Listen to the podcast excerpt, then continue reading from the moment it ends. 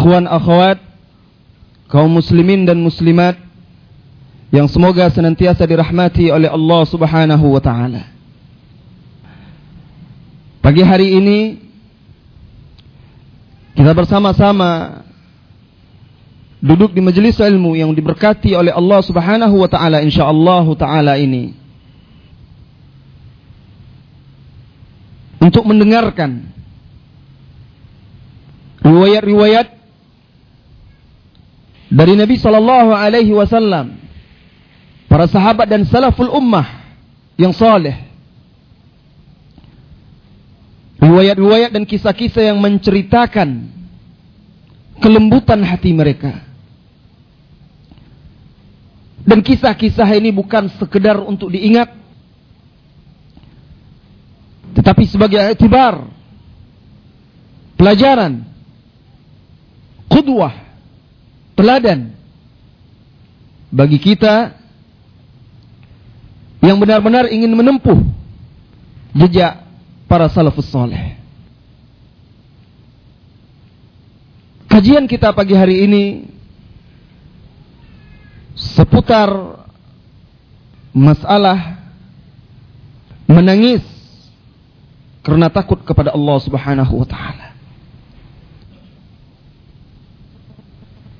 Ikhwan akhwat yang dirahmati oleh Allah Subhanahu wa taala. Tangisan merupakan fitrah manusia. Air mata bukanlah manusia yang menguasainya. Sehingga terkadang bahkan sering mata menangis. Berlinang air mata tanpa kuasa kita menahan. Oleh karena itu Allah Subhanahu wa taala berfirman, "Wa annahu huwa adhaka wa abka." Dan dialah bahwasanya Allah Subhanahu wa taala yang membuatmu tertawa dan membuatmu menangis. Dan Allah Subhanahu wa taala tidak menyiksa dan mengazab suatu kaum dengan tetesan air mata. Sebagaimana sabda Rasulullah sallallahu alaihi wasallam yang dikeluarkan oleh Imam Bukhari dan Muslim. Inna Allah la yu'adzibu bidam'il 'ain wala bihusnil qalb walakin yu'adzibu bihadza wa asyara li lisanihi Sesungguhnya Allah Subhanahu wa taala tidak mengazab dengan air mata, tidak pula dengan kesedihan hati. Walakin yu'adzib bihadza.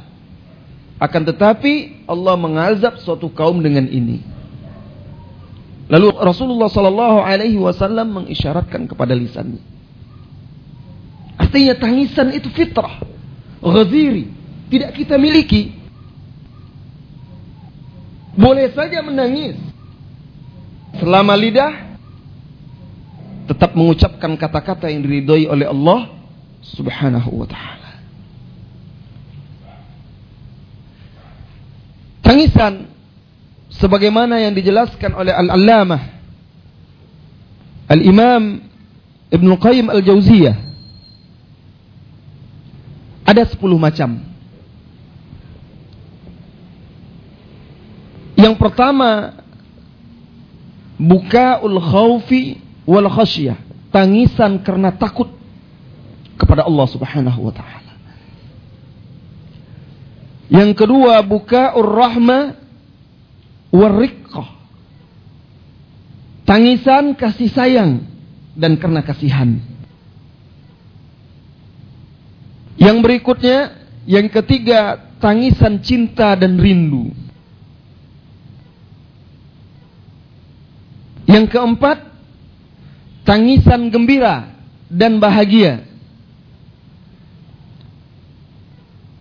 Yang kelima, tangisan karena terkejut dan saking pedihnya. Serta tidak tahan lagi menahan pedihnya, seseorang bisa menangis.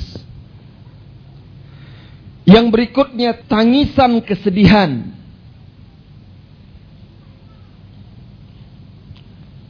Dan berikutnya tangisan lemah. Kemudian tangisan nifak yang air mata menangis tetapi hatinya tidak. Kemudian ada lagi tangisan musta'ar namanya, tangisan yang disewa atau mustajar. Seperti orang yang dibayar menangis untuk meratap di sebagian agama. Dan juga di masa jahiliyah dahulu ada. Ketika seseorang mati keluarganya lalu dibayarnya orang untuk meratap, menangis. Ini tangisan diupah. Kemudian ada juga tangisan karena ikut-ikutan. Tangisan muafakoh. Ketika seseorang melihat seorang menangis, dia ikut menangis. Dia dan dia sendiri tidak tahu kenapa dia menangis. Karena ikut saja. Ini tangisan muafakoh. Ini dijelaskan oleh Ibnu Qayyim Al-Jauziyah di dalam kitabnya Zadul Ma'ad. Di antara jenis tangisan adalah tangisan dusta atau tangisan nifak yang sebagaimana saya katakan.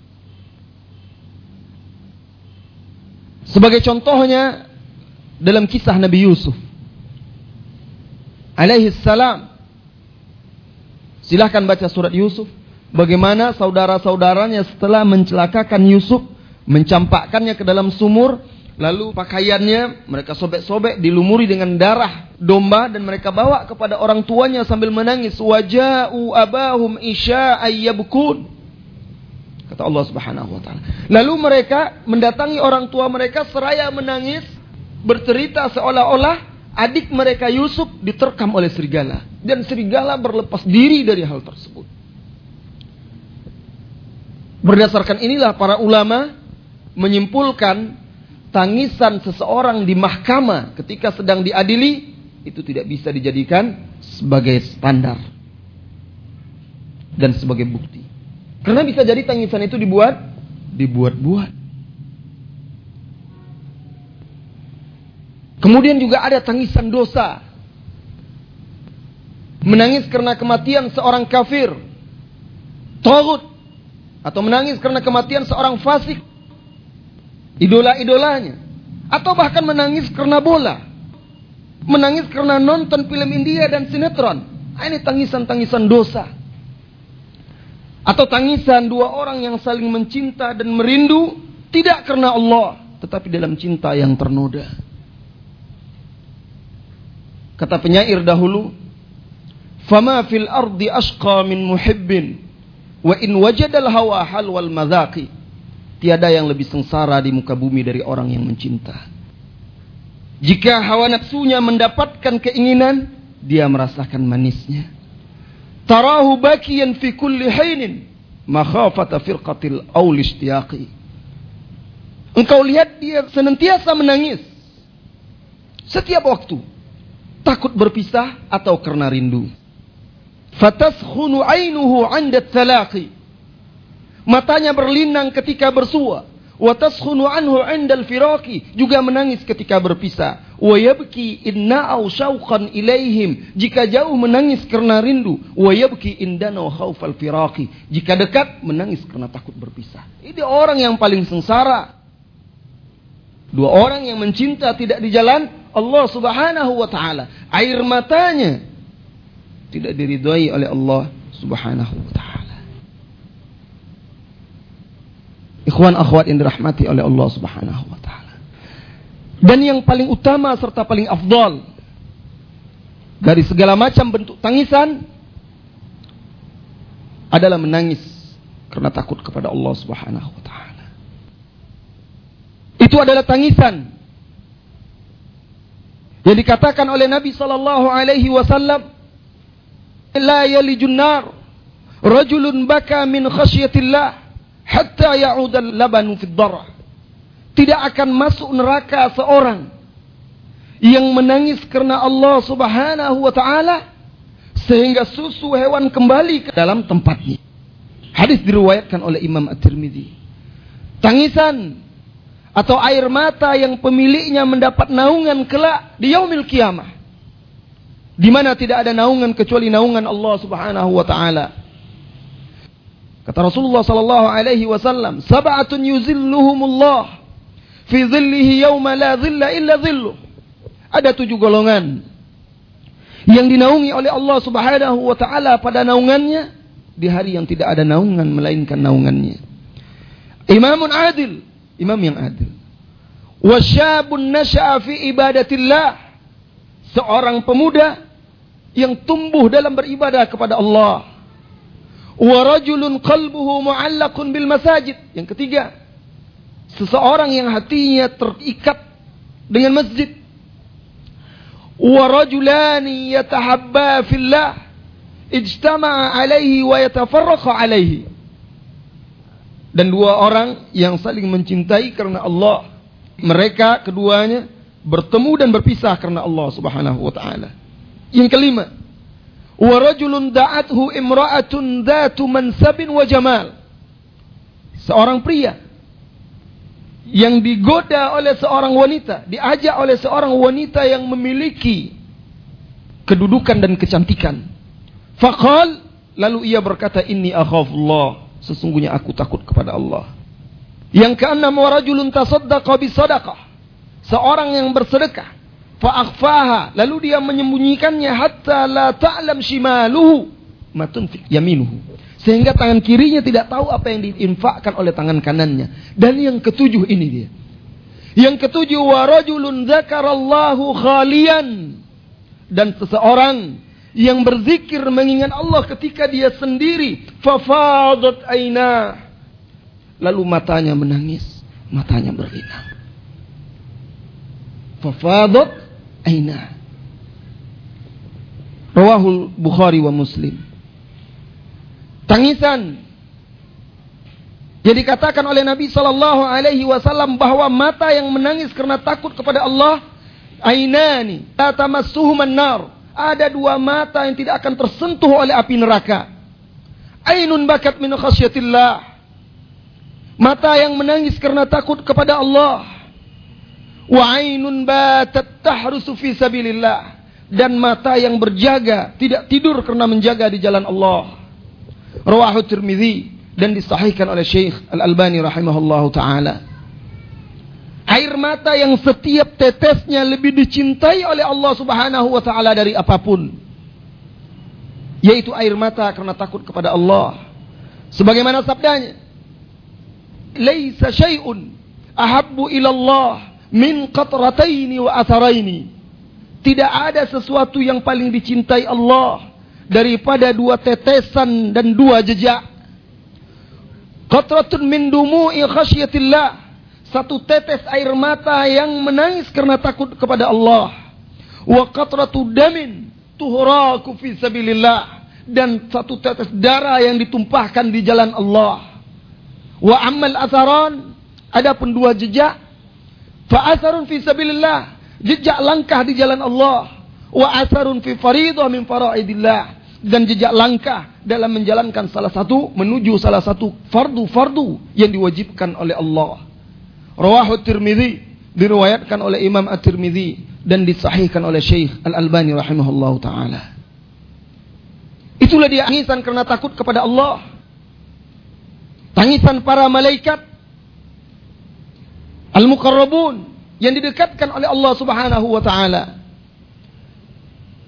An Anas bin Malik radhiyallahu anhu an Rasulillah sallallahu alaihi wasallam annahu qal dari Anas bin Malik semoga Allah meridainya dari Rasulullah sallallahu alaihi wasallam annahu qal bahwasanya ia berkata li Jibril kepada Jibril Mali la ara Mikail dahikan qat Hai Jibril Kenapa aku tidak pernah melihat Mikail tertawa sama sekali?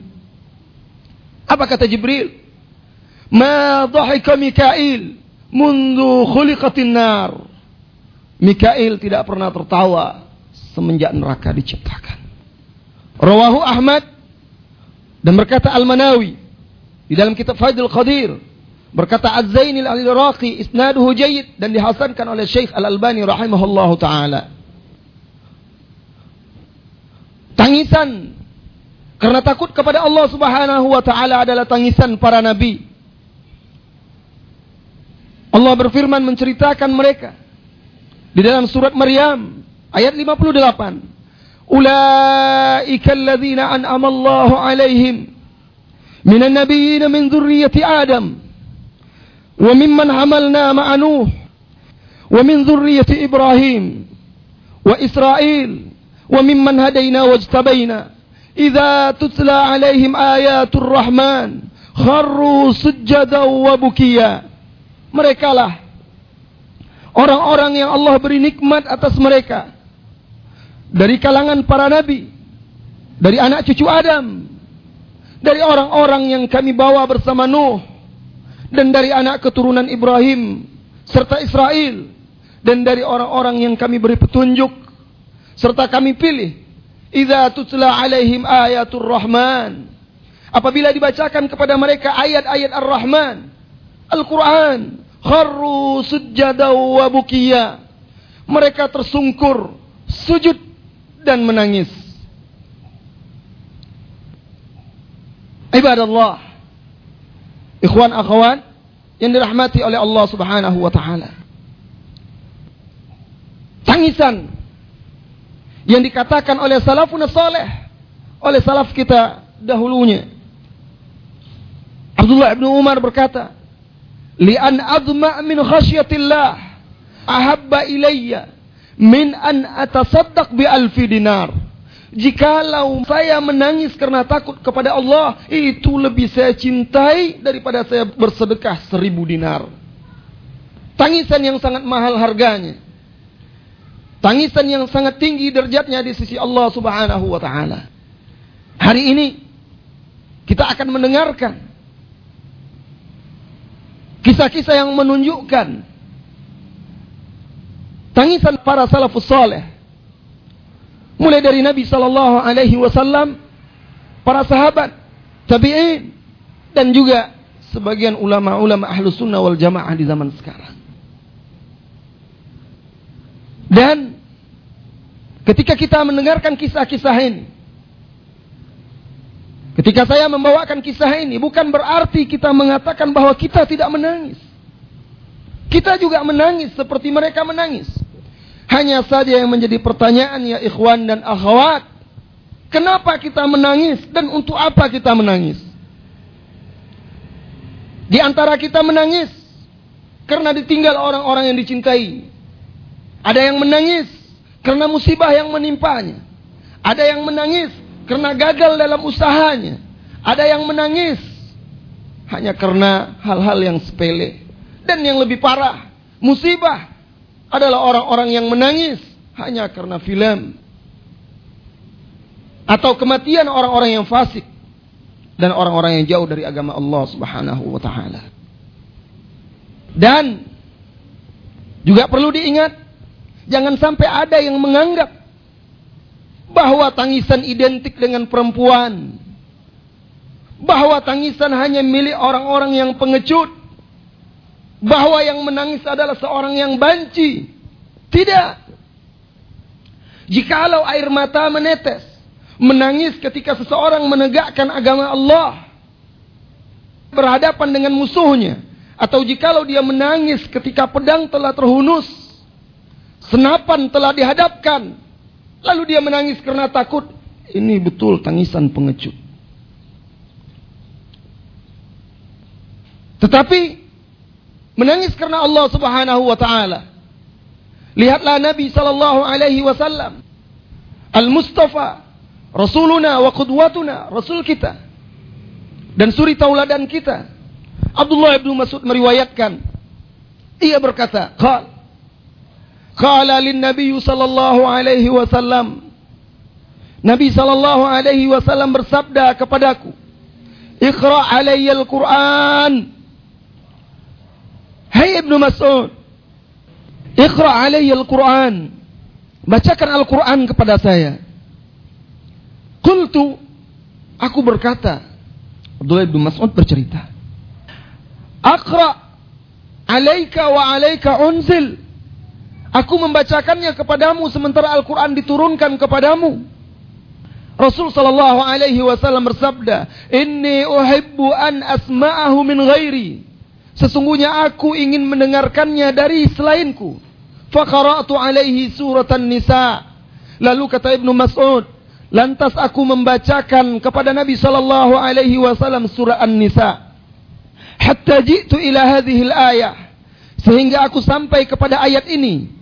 Surah An-Nisa ayat 40. Fakaifa idza ji'na min kulli ummatin bisyahid wa ji'na bika ala haula'i syahida. Fakaifa idza ji'na dan bagaimana apabila kami datangkan min kulli ummatin bisyahid dari setiap umat itu satu saksi wajibna bika ala haula'i syahida dan kami datangkan engkau kepada mereka sebagai seorang saksi lantas Nabi sallallahu alaihi wasallam bersabda hasbuk hasbukal an hasbukal an cukup hai Ibnu Mas'ud Lantas setelah Rasulullah sallallahu alaihi wasallam mengatakan kepada Ibnu Mas'ud untuk berhenti, Ibnu Mas'ud menoleh kepada Nabi sallallahu alaihi wasallam. Faltafattu ilaihi. Maka aku pun menoleh kepada Nabi sallallahu alaihi wasallam. Fa idza ainahu tadrifan. Rupanya kedua mata beliau berlinang. Kedua air mata beliau berlinang membasahi mata dan pipinya. Hadis ini diriwayatkan oleh Imam Bukhari dan Muslim. Nabi sallallahu alaihi wasallam menangis dan dia adalah Sayyidus Suja'an, pemimpin orang-orang yang pemberani. Nabi sallallahu alaihi wasallam menangis dan dia adalah orang yang paling pemberani yang pernah menginjakkan kaki di muka bumi ini. Bacalah kisah-kisah peperangan beliau. Bacalah ketegaran dan keteguhan serta keberanian beliau dalam menegakkan yang hak. Tetapi beliau tetap menangis. Kenapa beliau menangis? Dengarkan ayat selanjutnya. Agar kita semua tahu Kenapa Rasulullah Shallallahu Alaihi Wasallam menangis? Berkata Ibnu Battal, salah seorang ulama, wa inna ma bakan Nabi Shallallahu Alaihi Wasallam inda hada liannahu mathala li nafsihi ahwala yaum al qiyamah. Sesungguhnya Nabi Shallallahu Alaihi Wasallam menangis ketika sampai ke ayat tadi. Bagaimana kata Allah? Apabila kami datangkan dari setiap umat seorang saksi dan kami datangkan engkau sebagai saksi atas mereka. Rasulullah kata Ibnu Battal menggambarkan, membayangkan dirinya sedang berada dalam suasana dahsyatnya hari kiamat. Karena ayat ini bercerita tentang hari kiamat wa syiddatal hal ad-da'iya ila syahadatihi dan dahsyatnya kondisi ketika itu yang membuat atau mengajak kepada kesaksiannya untuk umatnya. Kemudian juga tentang permintaan syafaat dari umatnya agar mereka bisa merasakan ketenangan dari padang mahsyar yang ganas ketika itu. Dan kata Ibnu Battal, Wahada amrun yahiku lahu tulul buka wal hazun. Dan ini memang sebuah perkara yang patut kita menangis dan bersedih lama.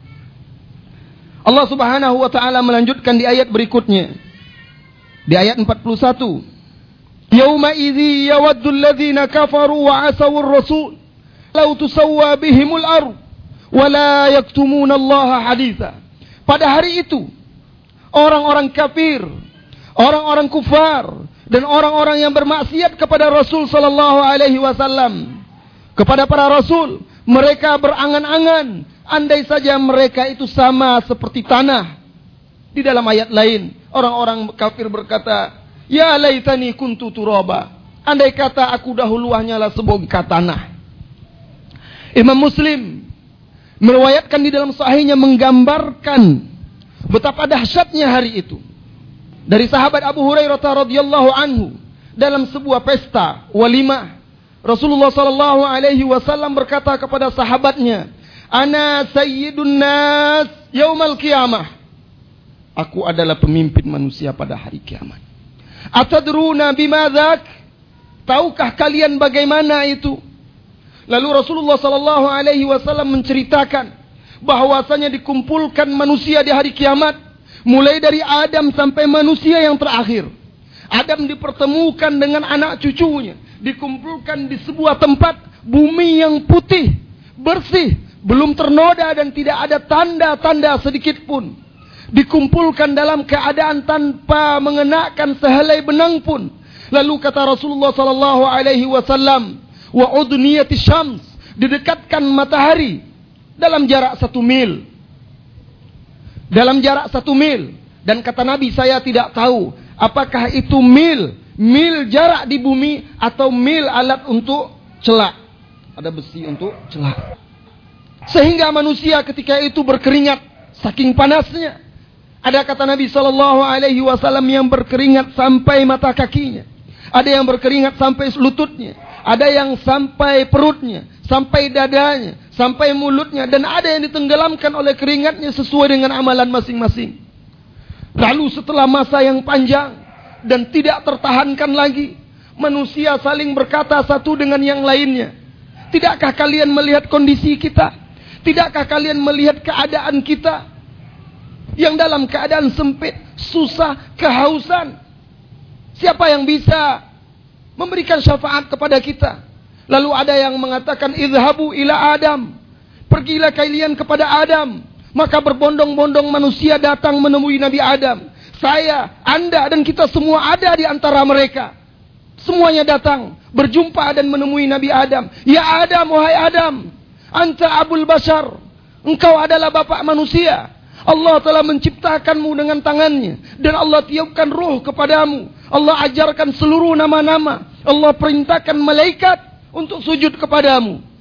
Tidakkah engkau ala tara ma nahnu fihim? Hai Adam, tidakkah engkau melihat kondisi kami sekarang? Lalu manusia meminta syafaat ketika itu. Apa kata Adam? Inna rabbi ghadabal yauma. Sesungguhnya Rabbku Sesungguhnya Tuhanku hari ini murka lam yaghdab misluhu qablahu wala ba'dahu. Di mana Allah tidak pernah murka sedahsyat ini sebelum dan sesudahnya. Dan aku dahulu dilarang mendekati pohon tersebut aku melanggarnya. Nafsi nafsi diriku diriku. Adam alaihissalam tidak sanggup untuk memberikan syafaat. Idhabu ila Nuh pergi kalian kepada Nabi Nuh Lalu manusia pun pergi kepada Nabi Nuh. Berbondong-bondong lalu berkata, Ya Nuh, wahai Nuh, engkau adalah Rasul yang pertama diutus oleh Allah. Ala tara ma nahnu. Ala tara ma nahnu. Tidakkah engkau melihat kondisi kami sekarang? Ala tadullah lana. Tidakkah engkau memintakan syafaat untuk kami? Lalu Nuh alaihi salatu wassalam memberikan alasan bahwa ia memiliki doa dan telah dia doakan untuk kaumnya ketika di dunia. Aizab ila Ibrahim, pergi kalian kepada Nabi Ibrahim. Pergi mereka kepada Nabi Ibrahim mengadu, meminta tolong. Begitu juga kata Nabi Ibrahim bahwasanya Allah hari ini murka yang tidak pernah murka sedahsyat itu sebelum dan sesudahnya. Lalu Nabi Ibrahim mengatakan, aku dahulu pernah melakukan tiga dusta, tiga kebohongan, nafsi, nafsi, diriku, diriku. Izhab ila Musa, pergi kepada Musa. Lalu mereka pergi pula kepada Nabi Musa alaihissalam. Lalu mereka berkata juga, ya Musa, wahai Musa, tidakkah engkau melihat kondisi kami seperti ini? Kondisi yang sangat susah, sangat berat dan tidak tertahankan.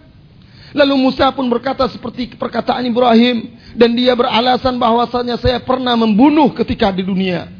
Ketika dia membantu kaumnya yang disiksa oleh orang orang Firaun Lalu dia membelanya sehingga anak buah Fir'aun tersebut terbunuh. Nafsi, nafsi, diriku, diriku. Idhab ila Isa. Pergi kalian kepada Nabi Isa. Dan begitu juga. Ikhwan, akhwat, lihatlah dahsyatnya hari itu. Siapa mereka? Ulul azmi, Nabi Adam, Nabi Nuh, Ibrahim, Musa dan Isa. Sebaik-baik manusia. Semuanya berkata nafsi, nafsi. Diriku, diriku. Tidak ada yang sanggup Lantas bagaimana dengan kita? Bagaimana kalau seandainya kita berada dalam kondisi seperti itu dan Nabi menggambarkan kondisi keadaan seperti itu ketika dia mendengarkan mendengarkan ayat tadi. Lalu pergilah manusia semuanya kepada Nabi Muhammad sallallahu alaihi wasallam, "Ya Muhammad." Lalu mereka berkata kepada Nabi Muhammad dan mengucapkan seperti perkataan mereka kepada nabi-nabi yang lainnya. Lalu Nabi Shallallahu Alaihi Wasallam bersabda, Ana laha. Saya yang berhak untuk itu. Lalu Nabi Shallallahu Alaihi Wasallam pergi di bawah ars, sujud di sana, dan Allah ilhamkan kepadanya puji-pujian dan sanjungan kepada Allah, sehingga akhirnya terdengar, terdengar suara yang mengatakan, Ya Muhammad irfa ra'sak, wahai Muhammad angkat kepalamu, wasal tu'tah, mintalah engkau pasti diberi, wasfa tu syafa, mintalah syafaat, engkau pasti diizinkan untuk memberi syafaat. Ummati, ummati, kata Nabi, umatku, umatku. Rasulullah Shallallahu Alaihi Wasallam menangis ketika itu, membayangkan dirinya dalam suasana hari kiamat sebagaimana penjelasan Ibnu Battal. Ikhwan akhwat yang dirahmati oleh Allah Subhanahu Wa Taala. Nabi Shallallahu Alaihi Wasallam menangis dan dia adalah orang yang paling pemberani. Beliau menangis, terkadang sampai terdengar di lehernya seperti air mendidih. Dengarkan, dan bukalah pintu hati sebelum mendengarkannya dengan telinga. Dari Abdullah Ibn Sikhir radhiyallahu an qal Ataitu Rasulullah sallallahu alaihi wasallam wa huwa. Aku pernah mendatangi Nabi sallallahu alaihi wasallam. Aku pernah mendatangi Rasulullah sallallahu alaihi wasallam dan ketika itu ia sedang salat. Walijau fihi azirun ka azizil merjal minal buka. Wali jaufi dan di tenggorokannya ada seperti suara air yang menggelegak sakit karena tangisan beliau. Hadis ini diriwayatkan oleh Imam Ahmad, An-Nasai dan disahihkan oleh Syekh Al-Albani rahimahullahu taala. Dan dengarkanlah penuturan Aisyah radhiyallahu anha. Perkara yang paling ajaib, yang paling mengagumkan yang pernah dilihatnya dari Nabi sallallahu alaihi wasallam. An Ubaid Ibn Umair Semoga Allah merahmatinya. Annahu qala li Aisyah radhiyallahu anha bahwasanya ia berkata kepada Aisyah radhiyallahu anha, "Akhbirina bi ajabi syai' ra'aitihi min Rasulillah sallallahu alaihi wasallam." Ceritakan kepada kami sesuatu yang paling engkau kagumi yang pernah engkau lihat dari Rasulullah sallallahu alaihi wasallam. Fasakatat. Lalu Aisyah radhiyallahu anha diam Thumma qalat kemudian berkata, "Lamma kanat laila minal layali." Tatkala suatu malam Rasulullah sallallahu alaihi wasallam bersabda, "Ya Aisyah, dharini ata'abbadu laila li Rabbi." Ya Aisyah, dharini ata'abbadu laila li Rabbi. Wahai Aisyah, biarkan malam ini saya beribadah untuk Rabbku. Wahai Aisyah, kepada istrinya yang paling dicintai, kepada istrinya yang paling cantik, yang masih muda belia. Di tengah malam beliau berkata, Ya Aisyah, wahai Aisyah, dari ini ata'abbadul layla li Rabbi. Biarkan aku malam ini beribadah untuk Tuhanku. Ya ikhwan, siapa di antara kita yang berkata seperti ini kepada istrinya? Atau malah kebalikannya? Qalat Aisyah berkata, Wallahi ini uhibbu kurbak wa uhibbu ma yasur. Demi Allah ya Rasulullah, sesungguhnya aku sangat ingin dekat denganmu dan aku menginginkan aku menyukai apa yang membuatmu gembira. Maka bangunlah Rasulullah sallallahu alaihi wasallam faqama fatatahhar thumma qama yusalli. Beliau bangun, bersuci dan kemudian salat. Aisyah menuturkan, "Falam yazal yabki hatta yaballu hijrahu dan beliau terus menangis sampai pangkuannya basah. Wa kana jalisan dan ketika itu beliau duduk. Falam yazal yabki sallallahu alaihi wasallam hatta balla lihiyatahu dan beliau terus menangis sampai lehernya basah.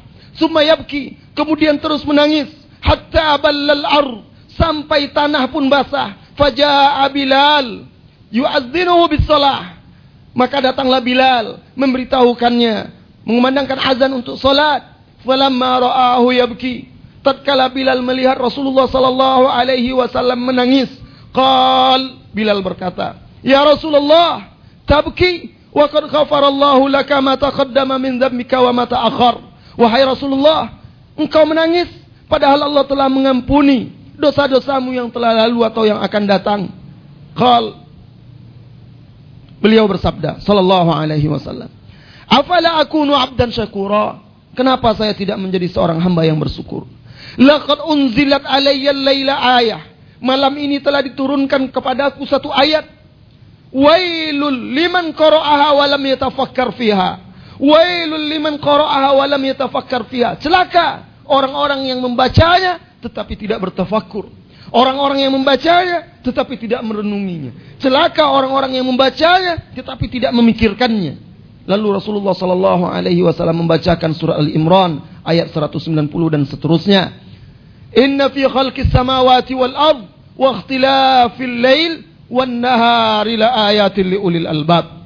Hadis sahih diriwayatkan oleh Ibnu Hibban dan lain-lainnya dinyatakan sahih oleh Syekh Al-Albani rahimahullahu taala. Itulah dia tangisan di antara tangisan Rasulullah sallallahu alaihi wasallam Tangisan yang lebih berharga dari dunia seisinya. Tangisan sebaik-baik manusia yang pernah menginjakkan bumi. Dan begitu pula para sahabat-sahabat beliau. Yang menemani beliau. Yang berjuang di samping beliau. Abu Bakar As-Siddiq. Sahabat beliau yang paling baik. Manusia terbaik setelah Rasulullah sallallahu alaihi wasallam.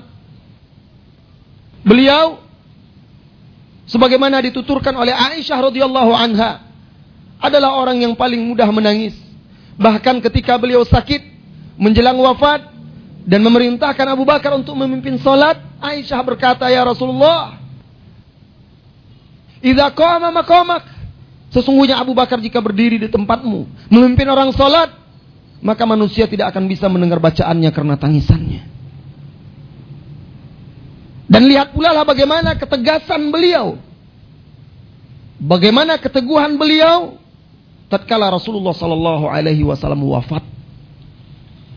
Dan ketegasan beliau dalam memerangi orang-orang yang tidak membayar zakat serta orang-orang yang murtad. Ini menunjukkan tangisan sama sekali tidak ada kaitannya dengan kepengecutan. Tangisan tidak identik bukan berarti seorang yang banci. Menangis tidak hanya untuk perempuan, tetapi menangis adalah milik menangis adalah hak semua manusia dan menangis juga dilakukan oleh orang-orang pemberani dan terbaik di muka bumi ini. Suatu hari Rasulullah sallallahu alaihi wasallam mendengar sahabatnya bercerita dan berbicara dalam masalah urusan dunia. Terdengar kepada beliau sesuatu tentang sahabatnya Kemudian keluarlah beliau menemui sahabatnya. Lantas naik ke atas mimbar. Kemudian beliau sallallahu alaihi wasallam bersabda, "Uridat alayyal jannah wan nar." Ditampakkan kepadaku sorga dan neraka. Falam arakal yaumi minal khairi wasyarr. Dan aku tidak pernah melihat kebaikan serta keburukan seperti hari ini. Walau ta'lamuna ma'alam. Dan kalau kalian mengetahui apa yang aku ketahui, ladhaktum qalila wala bakaitum katsira. Kalian pasti sedikit tertawa dan banyak menangis. Kemudian sahabat Rasulullah sallallahu alaihi wasallam menutup wajah dan kepala mereka. Lalu terdengarlah rintihan dan tangisan mereka. Hadis ini diriwayatkan oleh Imam Bukhari dan juga oleh Imam Muslim.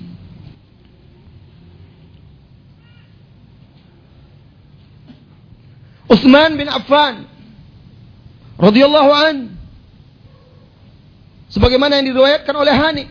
Kana Utsman idza waqafa ala qabrin baka hatta yaballa lihiyatuhu. Utsman bin Affan apabila beliau berdiri di kuburan atau di kuburan, beliau menangis terisak-isak sampai air matanya membasahi jenggotnya. Lalu ditanyakan atau dikatakan kepada Utsman bin Affan, "Tadhkurul jannah wan nar fala tabki."